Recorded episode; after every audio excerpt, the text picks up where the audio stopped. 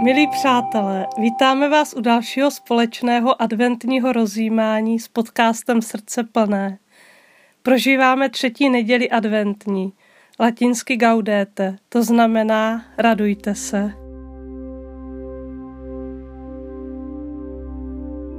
Radujte se stále v Pánu. Opakuji, radujte se. Pán je blízko. Všemohoucí Bože, očekáváme s vírou slavnost narození Tvého Syna a prosíme Tě, dej nám svou milost, abychom se mohli radovat z naší spásy a vděčně Tě chválit.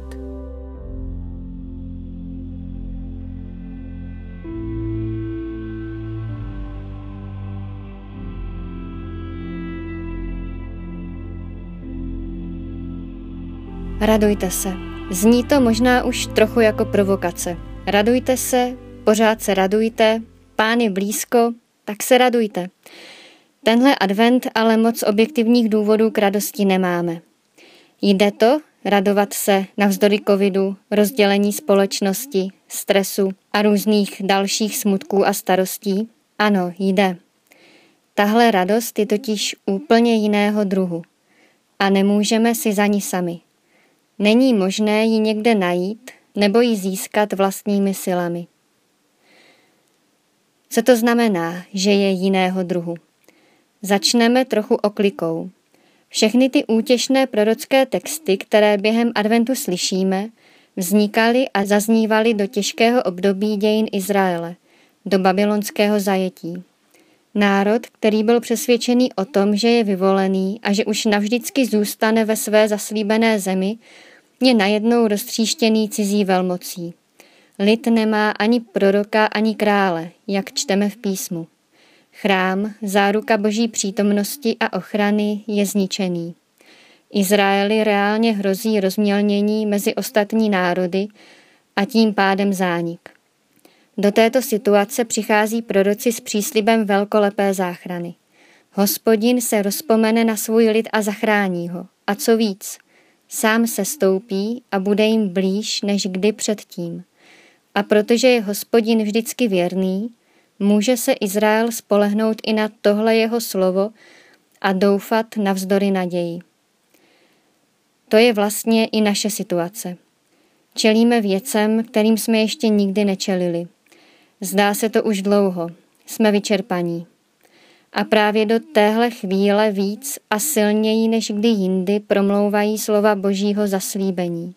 Slova, která nás mají naplnit opravdovou radostí. Tahle radost z toho, že pán je blízko, totiž není povrchní citová záležitost. Je to bytostné přesvědčení, že Bůh ví, že přichází a bude s námi jako Emanuel, Bůh s námi že jemu můžeme věřit, i kdyby zklamalo všechno ostatní.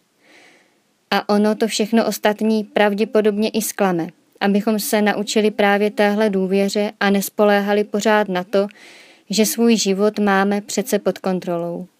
Tuto radost si ale nemůžeme dát sami. Proto v úvodní modlitbě prosíme, dej nám svou milost, abychom se mohli radovat z naší spásy a vděčně tě chválit. Je to vlastně takový kruh. Bůh nám nabízí naději a radost. My můžeme na tuhle nabídku kývnout. Ale je to zase Bůh, který dá, že se opravdu dokážeme radovat. Třeba i ve všem těžkém, co nás každý den potkává. Třeba i bez non-stop úsměvu nebo nějakého vzletného pocitu. Stačí nám jenom vědět, že Bůh ví a je s námi.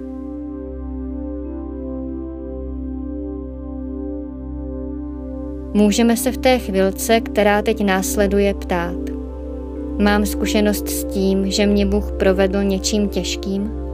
Může to být ten zdroj naděje, který zrovna teď potřebuju?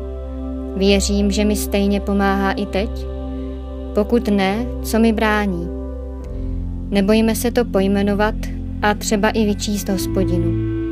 A pak zůstat v tichu a čekat, co odpoví.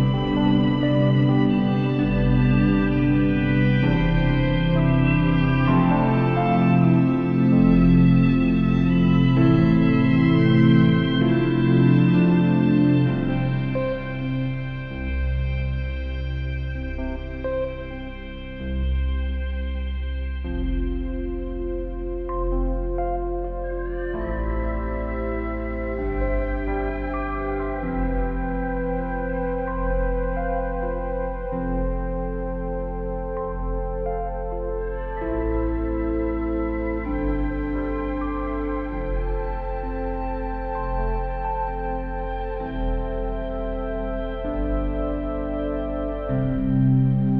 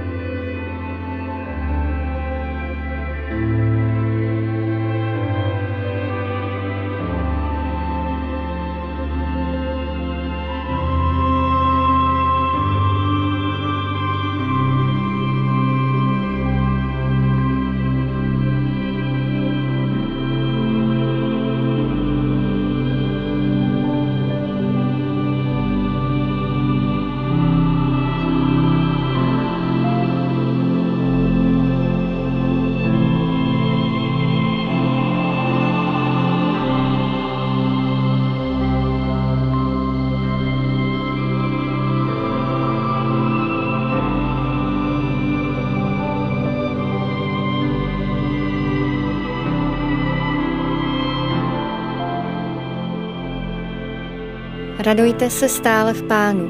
Opakuji, radujte se. Pán je blízko. Všemohoucí Bože, očekáváme s vírou slavnost narození Tvého Syna a prosíme Tě, dej nám svou milost, abychom se mohli radovat z naší spásy a vděčně Tě chválit.